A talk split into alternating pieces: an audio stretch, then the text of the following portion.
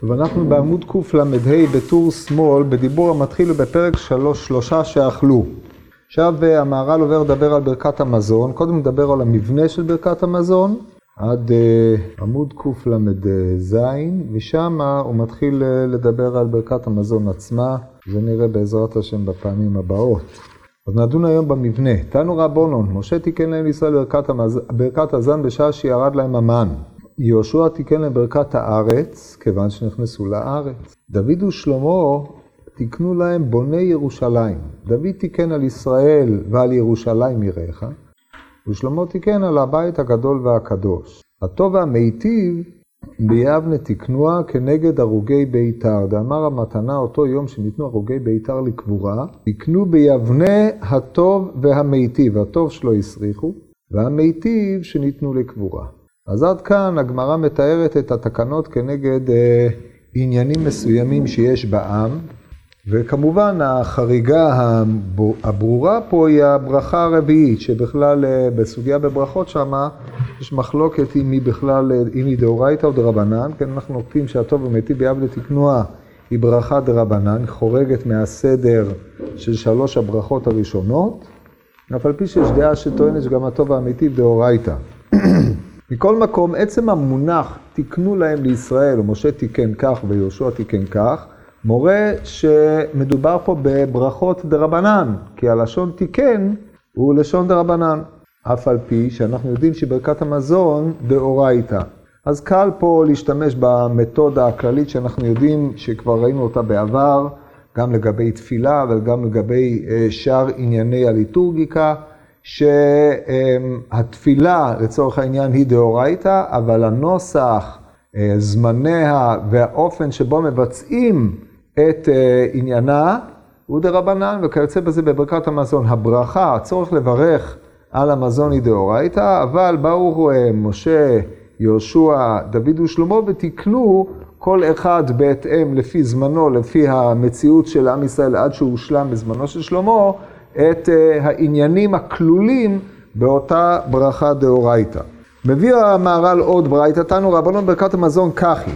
ברכה ראשונה ברכת הזן, ברכה שנייה ברכת הארץ, ברכה שלישית בוני ירושלים, ברכה רביעית הטוב והמיטיב, ובשבת מתחיל בנחמה ומסיים בנחמה ואומר קדושת היום באמצע.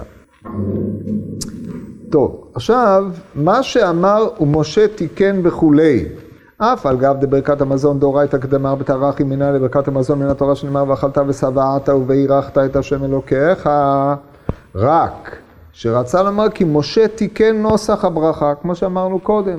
ומה שיש לברך אילו שלוש ברכות ומה עניין ברכת בוני ירושלים אל ברכת המזון אז יש לנו פה שתי שאלות. א', למה תיקנו שלוש? למה אי אפשר היה להסתפק בשתי ברכות, והשאלה השנייה, השנייה, למה אי אפשר היה להסתפק בשתי ברכות, או השאלה הזאת, למה אי אפשר להסתפק בשתי ברכות, אם שלכאורה ברכת בוני ירושלים ועל בית, עניינו של המקדש, אין לו קשר ישיר עם ברכת המזון. ומאחר שהברכה הזאת היא קשורה לשביעתו של האדם, ככתוב ואכלת ושבעת ובירכת, ואתה מברך על שביעת המזון לכאורה, מה המקום להזכיר את אה, ירושלים, מירך ציון משכן כבודיך, מלכות בית דוד משיחך, מה עניינם אצל ברכה זו? עד כדי כך ששלושת המרכיבים הללו מעכבים בברכת המזון, הם דאורייתא. אומר המהר"ל, עכשיו יש לו כמה מהלכים בעניין הזה.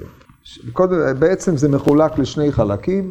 מהלך הראשון שאנחנו נתאר אותו כעת, החלק הראשון, אחרי זה מהלך שני שעובר התפתחות. ואנחנו צריכים כמובן לדון ביחס שבין שני המהלכים. עכשיו תשימו לב היטב למונחים שהמהר"ל משתמש בכל מהלך, מפני שהם מאפיינים את צורת, ה...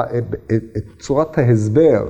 יש מערכת מונחים שמגדירה את ההקשר של אותו הסבר, ואנחנו נראה שהוא משתמש במערכות מונחים שונות, כדי לה... וזה נותן פנים שונות להסבר, לתירוץ לשאלה שלו. אז נראה בפנים. אומר המהר"ל, וזה, מפני כי השם יתברך נתן אל האדם שלושה דברים. האחד, שנתן לאדם ההכרחי אליו, כמו המזון, שאי אפשר שיהיה האדם בלא מזון.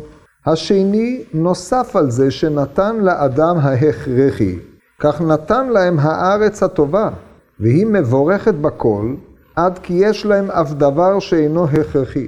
ועוד יותר מזה, שנתן לאדם עד שאין למעלה מזה כלל, והיא תכלית ההשלמה, הוא בית המקדש.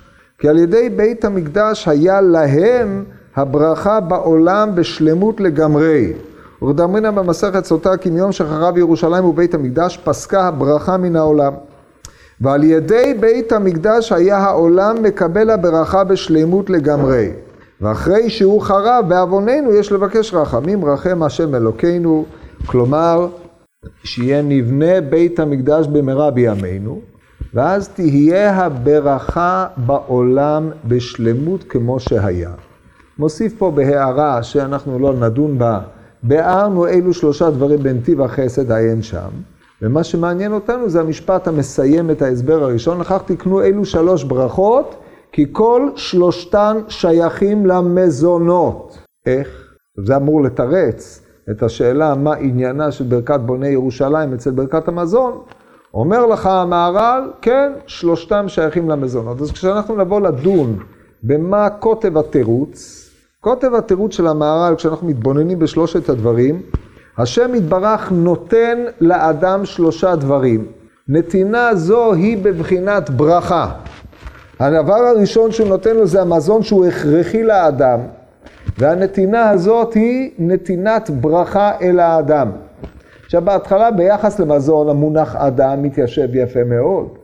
היחס לארץ מתיישב פחות בנוח, אבל ביחס לבית המקדש המונח אדם בהקשר הזה הוא לא מתיישב בכלל, אף על פי כן המהר"ל נוקט אותו גם פה וגם אנחנו נראה שהוא נוקט אותו להלן.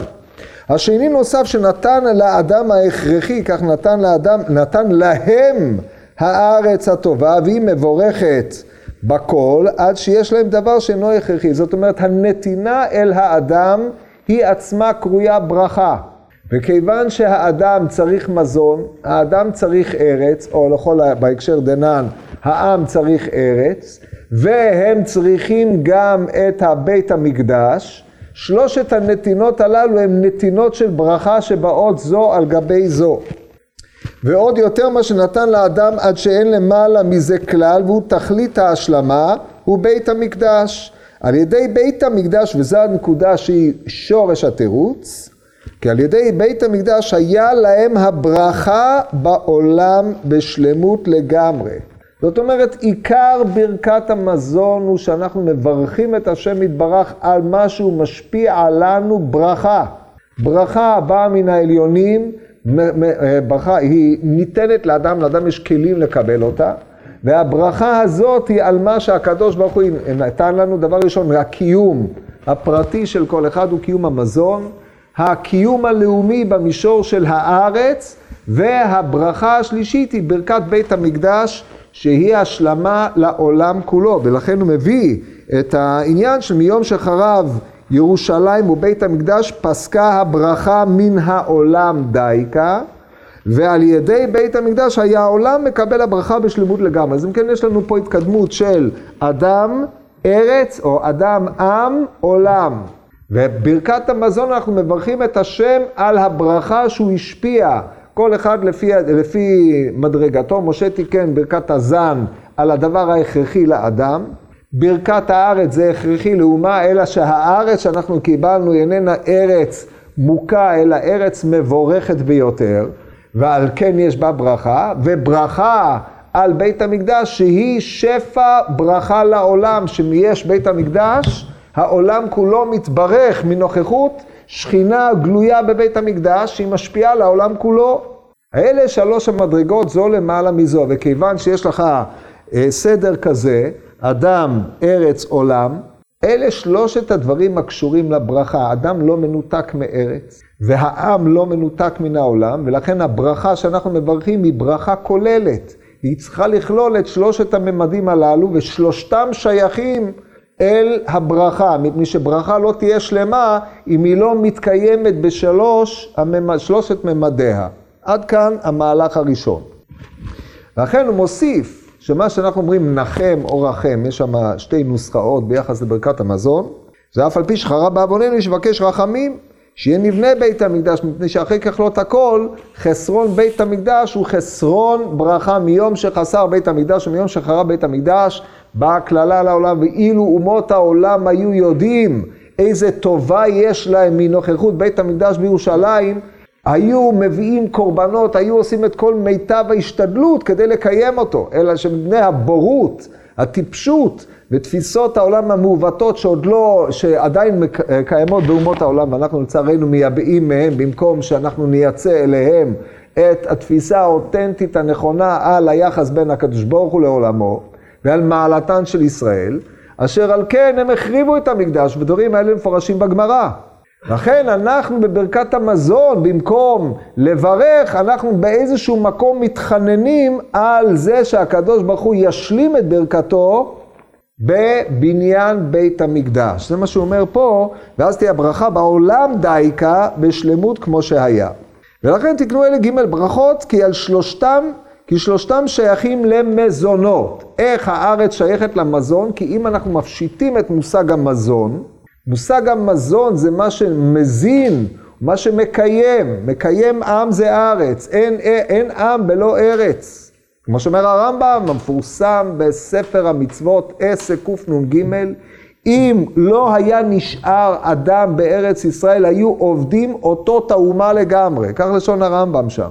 זה אחד מיסודי האמונה, דברים נפלאים יש שם, אבל על כל פנים זה זיקת עם הארץ, בלי להיכנס לתפיסה מה מגדיר עם שאחד ההגדרות שלו היא שיש לו ארץ, כן, היום אה, ההגדרות הללו קצת נטשטשו, אבל על כל פנים, אלה הגדרות בסיסיות, ודאי ודאי ביחס לעם ישראל, שהקשר בינו לארץ ישראל הוא קשר שורשי, דברו כמו שהרב קוק העריך במאמריו, אשר על כן, זה גם סוג של מזון.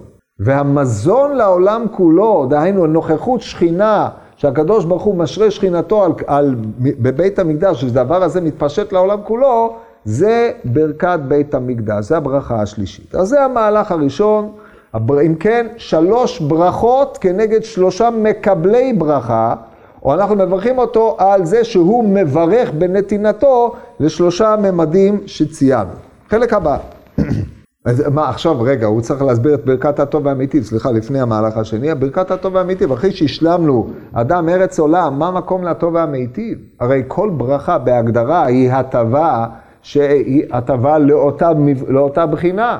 אז מה המקום לטוב והמיטיב אחרי שהשלמנו את ענייני ג' הברכות הללו? אז קודם כל, ברגע שאתם רואים כך, שהם הושלמו בשלוש ברכות, הטוב והמיטיב זה תקנה שהיא צריכה להיות יותר מאוחרת. היא באה אחר זמן, היא לא באה בקט, באותו עניין עם אותן uh, תקנות. אפשר היה לשאול לכאורה, הרי גם ברכת הזן וברכת הארץ היו קיימים לפני ברכת בוני ירושלים, אז זה אמת. אבל אין ספק שהשלמת עם ישראל לא הייתה עד מאמר הכתוב תביאמו ותיטעמו בהר נחלתך, מכון לשבטך, פעלת אדוני, מקדש אדוני כוננו ידיך, פירש רש"י על אתר, בית המקדש של מטה, ובמעלה מכוון כנגד בית המקדש של מעלה. זאת ההשלמה, וברגע שהושלמה הברכה, אז אנחנו נמצאים במצבנו השלם, אפשר לברך על שלושת הממדים, אבל מכאן ואילך, ברכת הטוב והמיטיב לכאורה לא מוצאת את מקומה. ולכן במשך כל בית ראשון, ובמשך כל בית שני לא היה לה מקום. מתי תיקנו אותה? ביבנה תיקנו אותה. ועל מה תיקנו אותה? אחרי חורבן ביתר, שזה נחשב ההרס הגדול ביותר. ויש כאלה שרואים את זה גדול יותר מחורבן הבית, חורבן הבית השני. מפני שבזה נגדעה קרנם של ישראל לגמרי, וזה חותם את הסיכוי לחזרת בניין בית המקדש. משם ואילך כבר אפסה התקווה. אמנם היו ניסיונות בזמן יוליאנוס הכופר ודברים מעין אלה, אבל אלה לא העלו דבר של ממש, והם לא הוזכרו בחז"ל בכלל. ואחת התופעות המרתקות, אנחנו יודעים, יוליאנוס הכופר שרצה לחדש את בניין הבית, אמנם מסיבות של התנגדות לנצרות, כן, הוא לשיטתו לא מאהבת ישראל דגולה, כמו שעולה מהאגרות שלו, אבל אף על פי כן היה שיתוף אינטרסים. מה, מה רע לנו שהוא יידחם עם הנוצרים, אנחנו נזכה לבית המקדש?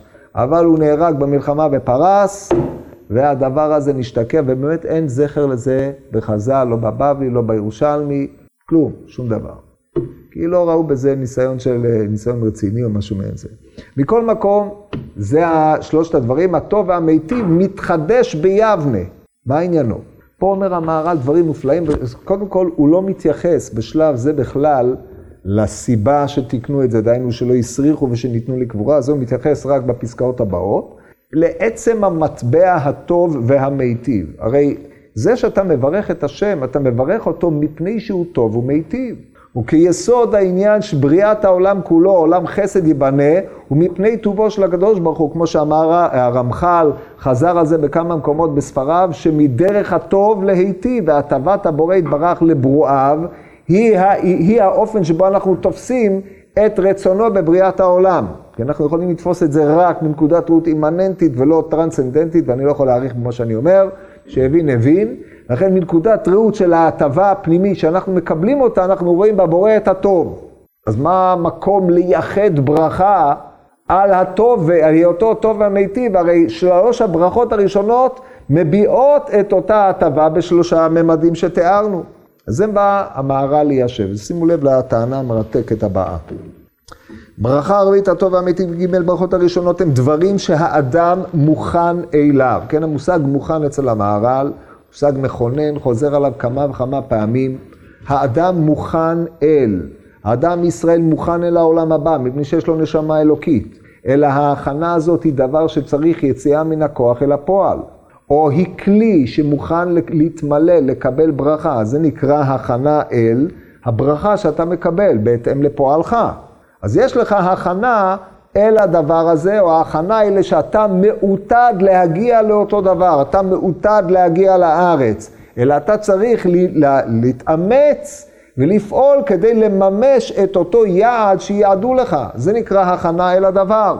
ובסיוע אלוקי אתה יכול להגיע למה שאתה מוכן. אדם נולד עם מנת משכל, עם שאיפות, אדם מוטבעות בו, אדם נולד עם הדרכה, יש לו חובה ללמוד תורה, לשאת אישה, להקים משפחה, כל הדברים הללו מוכן אליהם, הוא צריך במהלך חייו להוציא את אותם כוחות שמוכנים בו מן הכוח אל הפועל.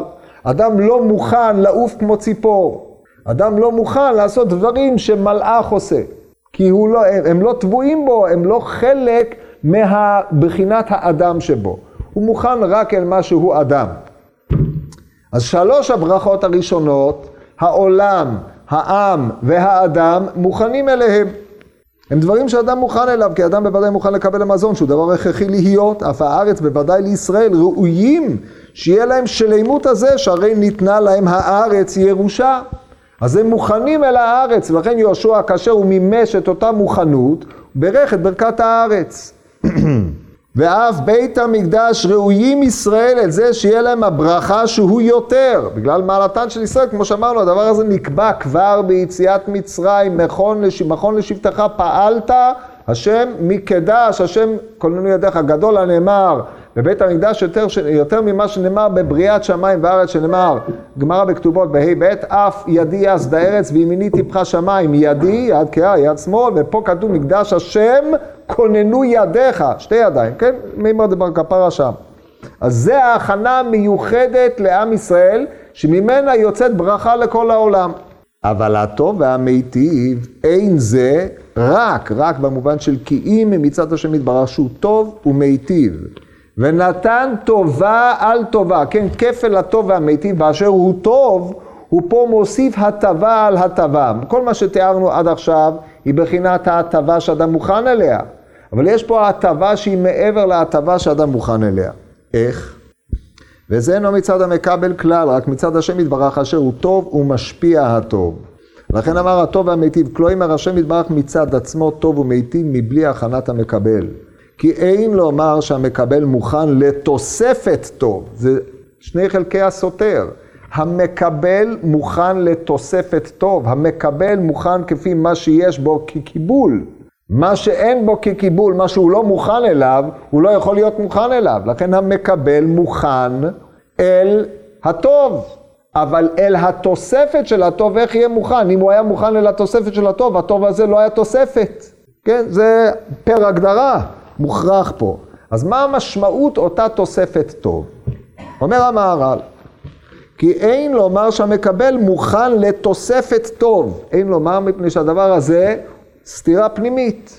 שאין ההכנה הזאת במקבל, אבל ריבוי הטוב ומן השם יתברך, אי אפשר לדבר על ריבוי הטוב בלי לדבר על הטוב ולא ריבוי. פה יש לנו איזושהי השפעה שהיא חורגת מההנהגה הרגילה, כפי שאני תכף אסביר. ומן השם יתברך שמשפיע ממנו ריבוי הטוב, והוא לעיתים בלבד. הוא לא סדיר, ואינו דבר תמידי. לפיכך אין מברכים הטוב והמיטיב רק אם אחר גם כן נהנה עמו, כן, ברכת הטוב והמיטיב בעלמא, אתה מברך, אתה מברך רק כאשר היו שניים, זו גמרא מפורשת, במסכת ברכות, בהלכות, בהלכות שהחיינו והטוב והמיטיב, והטוב והמיטיב זה רק לשותפים או לשתיים. אם אדם נהנה לעצמו, הוא לא מברך הטוב והמיטיב.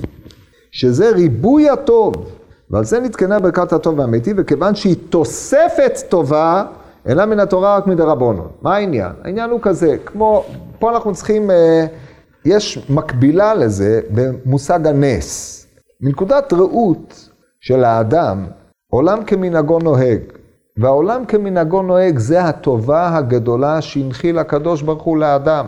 ומתוך ניהוגו של העולם אנחנו רואים את דרכיו של הקדוש ברוך הוא, מהו רחום אף אתה רחום, מהו חנון אף אתה חנון וכיוצא בכל מידותיו המתגלים בהנהגת עולמו, שהיא הנהגה טובה.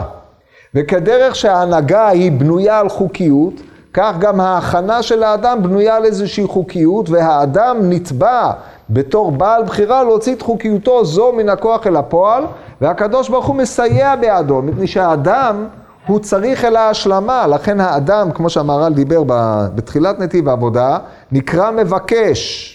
אומרת הגמורה, מה עם מהווה? רב אמר, מה וזה אדם? מה זה אדם? מה זה מבעה? מבעה זה מבקש, אמר שומרת הבוקר וגם לילה אם תבעיון בעיו שובו איתיו. בעיה זה מבקש.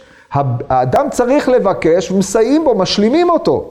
אבל בלי בקשה לא ישלימו אותך, ואם אתה לא מבקש את הדברים הנכונים, אם אתה טועה בכלל בכל תפיסת העולם שלך, אתה לא מוציא את הכנתך מן הכוח אל הפועל.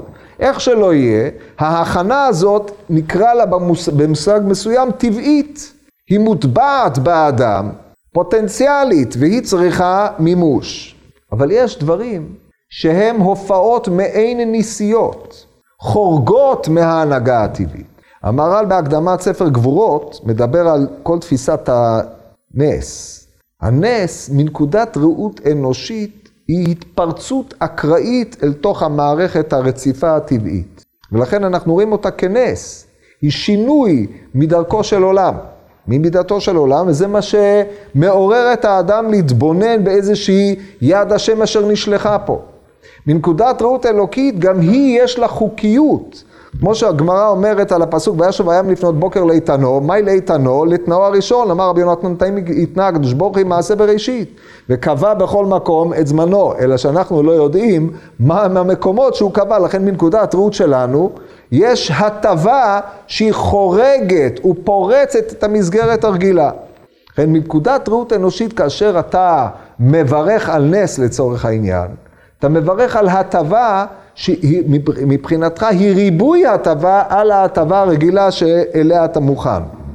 כן, בפנימיות אנחנו אומרים שיש לפעמים גילוי של עת רצון, כמו שיש, אה, ואני תפילתי לך השם עת רצון. מה זה עת רצון? עת רצון זה מה שקרוי גילוי מצחה, בשעת המנחה, שעת ראב"ד הרעבין.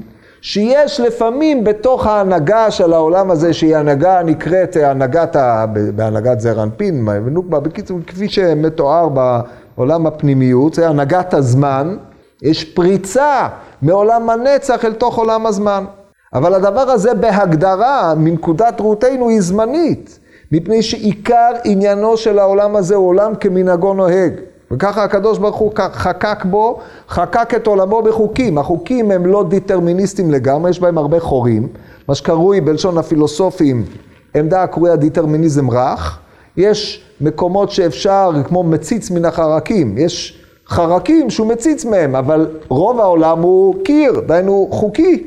יש פריצות. הפריצות הללו הם גילוי ההטבה על ההטבה. מאחר שזה לא סדיר, לא קבוע, כי אם זה היה קבוע, היינו כבר בנצח, בתקופה של ימות המשיח או מה שבא אחרי זה, שאז תרבה הטובה מאוד מאוד, וההנהגות הללו לא יהיו הנהגות כפי שאנחנו מצויים בהן כעת. זה לא במצב הזה, לכן זה בא לעיתים בלבד, אין בזה סתירות ואין בזה קביעות. לכן הדבר הזה הוא איננו ברכה דאורייתא, היא ברכה דרבנן, שהם תיקנו אותה על אירוע שהיה בזמנם, והאירוע הזה הוא סימן לשאר אירועים זמניים, שכמו שאומרת הגמרא, על אין בעל הנס מכיר בניסו, ואנחנו צריכים לדעת כמה ניסים מיטיב הקדוש ברוך הוא עמנו, בהיותנו בגלות ובמצב אה, תחת אומות העולם, ושם מתגלה חסדו הגדול של הקדוש ברוך הוא מתוך הדין ממש, כמו שהמהר"ל יתאר בהמשך.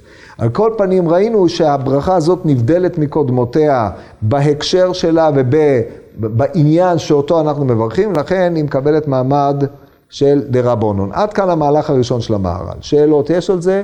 אין. הלאה. מהלך שני. עוד יש לך לדעת ולהבין, כי הברכה הזאת, עכשיו שימו לב, פה המהר"ל משנה את הטרמינולוגיה. קודם כל, במקום לדבר על אדם, ארץ, שזה עם, עולם, כמו שראינו במובהק במהלך הראשון, ובמקום לדבר על המונח ברכה, נותן ברכה, המערך, המהר"ל עובר לדבר על ישראל ועל השלמה. עכשיו אנחנו מדברים על אותם שלוש ברכות כמובן, בדיוק באותו עניין. אבל פה הטרמינולוגיה היא שינוי בנקודת מבט, צריך להרגיל לראות את זה. אתם יודעים כבר שהוא הולך לתת מהלך אחר, כי כותב עוד יש לך לדעת ולהבין. משמע שעכשיו הוא נותן לך היבט אחר.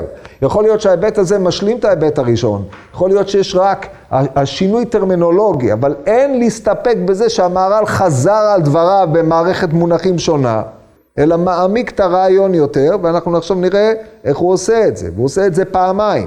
מהלך ב' עוד יש לך לדעת ולהבין כי הברכה הזאת שהיא ברכת המזון, תקנו על שהשם יתברך השלים את ישראל בכל השלמה שאפשר. השלמה. עם ישראל זקוק להשלמה, השם יתברך הוא השלמתן של ישראל עד שהם נעשים אומה שלמה. אומה שלמה שלמותה היא בזה שהקדוש ברוך הוא נמצא בה. זה השלמות היותר גדולה, כאשר כל שיעור הקומה של האומה שלם. כמו שיש באדם שיעור קומה. יש באדם שכל, יש באדם רגשות, מה שקרוי הנפש. יש באדם את הצד הגשמי שלו. יש אנשים שהם שלמים בצד הרגשי שלהם, אבל חסרים בשכל. אנשים כאלה, הרמב"ם קורא אותם, או אנשים בעלי היכולת הכריזמטית הגדולה, אבל שכלם חסר, הם אה, בעלי השופטים, מנהיגי המדינות, גם לפעמים גם את זה, שום דבר לא שלם אצלם, אבל אה, לא ניכנס לפרטים כעת, אבל אה, היכולת הכריזמטית, היכולת הכריזמטית כריזמטית היא, אמ, היא אטריבוט מצוין ביותר, אבל אם הוא לא, אין תוכן מאחוריו, אז הוא לא מביא הרבה. והיו אנשים עם יכולות כריזמטיות מדהימות, אבל אנשים ריקים, או אנשים מושחתים עד להפליא. היו. כמו כן, השלמה גופנית, יש אדם שגופו חסר, מלא חולאים, הוא לא, הוא לא יכול להתקיים כמו שצריך. יש אדם שהוא בריא ושלם, והשלמות הגופנית שלו תורמת גם לשלמויות אחרות, ויש אדם עם שלמות שכלית. השלמות השכלית היא מעלתו היותר גדולה, אבל אם היא לא מצטרפת לשלמות הדמיונית, אה, ריגושית ולשלמות הגופנית, האדם הזה הוא לא אדם שלם. הנביא לצורך העניין צריך להיות שלם בשכלו, שלם במידותיו וגם שלם בגופו. אבל איבר מזאת, השלמויות הללו מגיעות עד כדי כך שהוא חורג משאר בני אדם. יש לו כוחות תעוזה, תעוזה, כוחות אינטואיציה יוצאות מגדר הרגיל. ואז הוא מממש את האדם שבו, כפי מה שהוא יכול, כל, כל נביא לפי שיעור קומתו. אז זה ביחס לאדם. כדרך שהדברים הללו אמורים ביחס לאדם, הם אמורים ביחס לעם. בעם יש קבוצות שונות, יש מנהיגים, יש פועלים, יש אנשים שצריכים עזרה, יש... זה, זה אוסף שלם. שאנחנו יכולים להכניס את העם גם כן בשיעור קומה של אדם. יש עיני העדה, יש לב, לב ישראל, ליבן של ישראל, יש אה, ציפורניים, יש כל מיני, כל אה, קבוצה מתאפיינת ברמות שונות. רגליים, ידיים, אנחנו חברה מתאפיינת, אנשים טיפוסים מסוימים מתאפיינים. הצד היוצר יוצר, יש הצד המוליך, יש עוד כל מיני דברים. אז עכשיו, כשאנחנו מדברים על השלמת האומה, זה כדי שהאומה הזאת תהיה שלמה. כמו שכתוב, שובי שובי השולמית, שובי שובי ונחזה בך, מה תחזו בשולמית כמכונת המחניים, שולמית, שלמה ומעולה, אומר הרמב"ם באיגרת, באיגרת תימן. אומה שלמה זה אומה שהנוכחות האלוקית חיה בה. היא אומה חיה, מדהים, זה השלמות של ישראל. ממלכת כהנים וגוי קדוש. עכשיו, ההשלמה שלהם נעשית בשלושה ממדים. הממד הראשון מייצג את ברכת הזן, וזה מה שאומר המהר"ל כעת. תקנו על השם יתברך, תקנו על שהשם יתברך השלים את ישראל בכל השלמה שאפשר. זה שברך את השם יתברך, כתכתיב, ואכלת ושבעת וברכת את השם אלוקיך. פה פרשנות גאונית, מפני שכעת השביעה איננה מתייחסת רק לשביעת הכרס בלבד, אלא שביעה היא השלמת הברכה. אם כן, המזון הוא עילה לברך, אבל הברכה היא על שביעת עם ישראל, דהיינו היותו מושלם על ידי השם יתברך. או שהשם יתברך משלים אותו, אם ננסח את זה בצורה יותר מדויקת. כתבתי באכלת ושבעת וברכת את השם אלוקיך, וכל שביעה היא השלמה. ועל זה יש לברך את השם יתברך. זאת אומרת, בעוד שבאופן הקודם, ברכת האדם, הארץ והעולם, הן מתייחסות זו לזו, זאת אומרת, הברכה ביחס לאדם הוא הזן, ביחס לעם הוא הארץ, היא, השלם, היא המעין מזונו, וביחס לעולם זה בית המקדש, הרי פה אומר, אתה מברך מראש, ככתוב, ואכלת ושבעת וברכת על השביעה של האומה. והשביעה של האומה באה בשלושה מישורים. אז אין, אני לא צריך להידחק ולשאול איך יכול להיות שאנחנו מברכים על ברכת בוני ירושלים ביחס לברכת המזון. הרי ברכת המזון באה לדבר על אדם שאכל. מה, מה פתאום? אנחנו מברכים על השביעה. השביעה היא שביעת האומה, והאומה שבעה מושלמת בשלושה מישורים כפי שהוא יתאר. כל שביעה שלמה ועל זה שברך את השם יתברך, מאחר שמברך השם יתברך אשר השלים את ישראל, מברך גם כן מה שהשלים את ישראל והם שבעים ושלמים מכל. מתחילה מברך שנתן להם, שימו לב, במקום לדבר על היחיד, מדבר על האומה. פה, שם הוא אמר נתן לו, רק ביחס לברכת הארץ עבר ללשון רבים. כאן אנחנו מדברים נתן לאומה, נתן להם מזון. בזה משותפים, או משותפים כל הנבראים שיש להם מזון. אחר כך זכר מה שהשלים ישראל יותר, שנתן להם השלמה זאת, ארץ מיוחדת, ארץ קדושה נבדלת מכל הארצות. צבי היא לכל הארצות, ככה אומר הנביא, יחזקאל. זאת אומרת, בהתחלה עם ישראל משותף עם שאר האומות, באשר הם עם שצריכים ליזון ממזון. אז על זה אנחנו מברכים על דבר ראשון. דבר שני, עולים בעוד מדרגה. הארץ שקיבלנו, שהיא השלמתנו בתור אומה, היא מרוממת יותר משאר הארצות. ארץ קדושה, כמו שהרמב"ן הגדיר את ארץ ישראל, ארץ קדושה.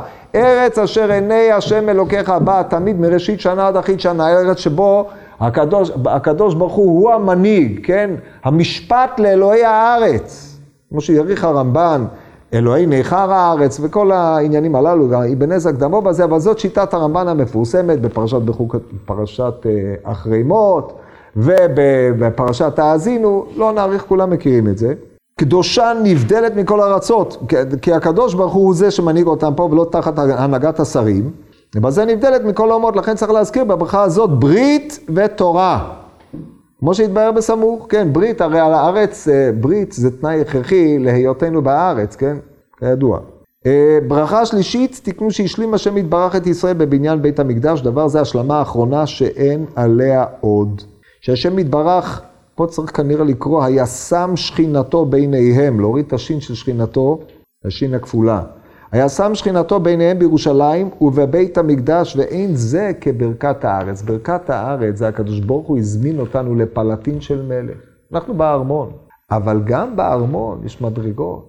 אנחנו אימא, המלך שוכן בתוכנו, אין מעלה על מעלתו. אני שכנתי בתוך בני ישראל, והייתי להם, להם לאלוהים, כמו שכתוב בסוף פרשת תצווה. זה המעלה הגדולה מכל.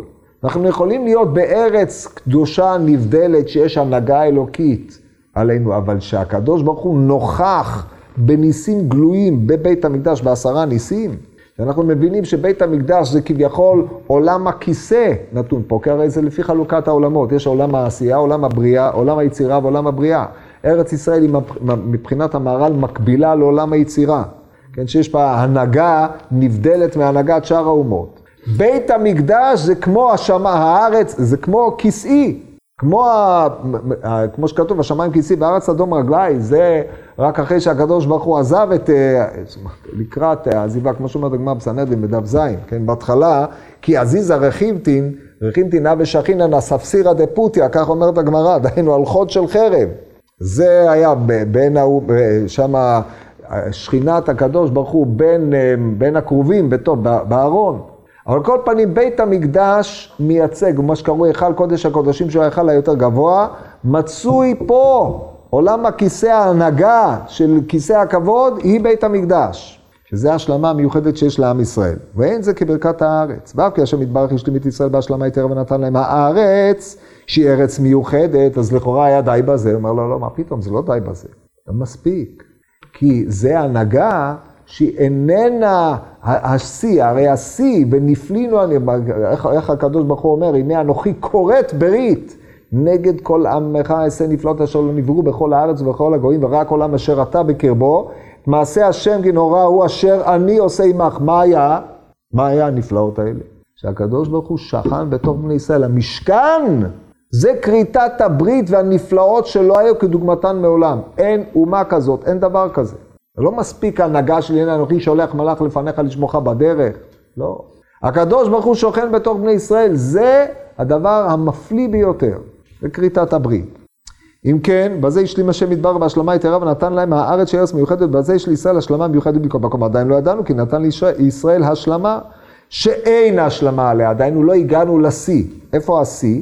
ובזה נתן להם ירושלים ובית המקדש, השלמה הזאת היא על הכל. כמו שאמרתי, זה כנגד ג' העולמות, עולם הבריאה, יצירה ועשייה, הבריאה, יצירה, עשייה, יצירה, בריאה, עולם הבריאה היא בבחינת שכינת בית המקדש, זה ההנהגה השלמה האלוקית שנוכחת בתוך עם ישראל, ממלכת כהנים וגוי קדוש. לכן בהגדה של פסח, שזכר כמה מעלות טובות, זכה באחרונה בנם בבית המקדש, הוא האחרון, כן, יש שם 15 מעלות, כידוע, ה-15 מעלות האלה, המהר"ל בהגדה על פסח, בהגדה של פסח, זה לא בדיוק בהגדה של פסח, בספר גבורות השם, מבין, זה כנגד אה, שלוש מדרגות, חמש, חמש, חמש. כמובן כנגד העולמות, שלוש האחרונות הן המעלה היותר גדולה, הנהגת עולם הבריאה. אמ, אבל ברכת הטוב והמיטיב הוא על ריבוי הטוב שהוא טוב והמיטיב בין זה רק תוספת טובה, כבר כמו שהוא אמר קודם, ולכן הוא לא טורח לחזור ולהסביר את זה. עוד אילו ג' ברכות, עכשיו הוא מוסיף הסבר שאיננו אלא חזרה בתמצות על הטענה הזאת, לפני שעובר לפירוש השלישי. עוד אלו ג' ברכות, ברכת הזן, השלמת הטבע, שהאדם, שימו לב, הוא מדבר פה עכשיו על האדם. האדם בטבע צריך להאכילה, הארץ איננה השלמת טבעו בלבד, רק השלמה רוחנית אלוקית גם כן. וזה ידוע כי אוויר עד ארץ ישראל מחכים, וכמה דברים נאמרו במעלת ארץ ישראל, ודבר הזה נצטרך לבאר. אמנם אף כי השלמה הזאת, מה שנתן להם את הארץ, היא השלמה אלוקית, אין זה דבר אלוקי לגמרי כמו ירושלים ובית המקדש. כי ירושלים עיר הקוידש. בית המקדש היא בית קדוש אלוקי, השלמה אלוקית לגמרי. ולכך אמרו, עשרה ניסים נעשו בבית המקדש. כן, כי אמ, כל בית המקדש מעלתו אלוקית לגמרי עד כי מושלמים ישראל בתכלית ההשלמה האלוקית. פירוש זה הוא כמו פירוש שלפני זה. וכל זה יש להזכיר בברכת המזון שתקנו על השביעה שהשלים האדם עד שאין האדם חסר. שימו לב, אחרי שהוא דיבר על ישראל, חזר להגיד שהוא השלים את האדם. מה זה? אז כמו שאמרתי לכם קודם, ישראל והאדם הופכים להיות עניין אחד. האומה נבחנת כאדם, ולכן ההשלמה של האדם, או השלמת ישראל, הברכה שאתה מברך היא ברכה על הכלל, אבל היא גם מיוצגת על ידי הפרט, דהיינו השביעה הפרטית שלך, העובדה שאתה חי בארץ ישראל, העובדה שיש לך בית המקדש אלוקי, על זה אתה כפרט מברך, ואתה כנציג האומה מברך. שניהם עניין אחד, אנחנו נראה את ההשלמה בפעם הבאה, את החלק האחרון.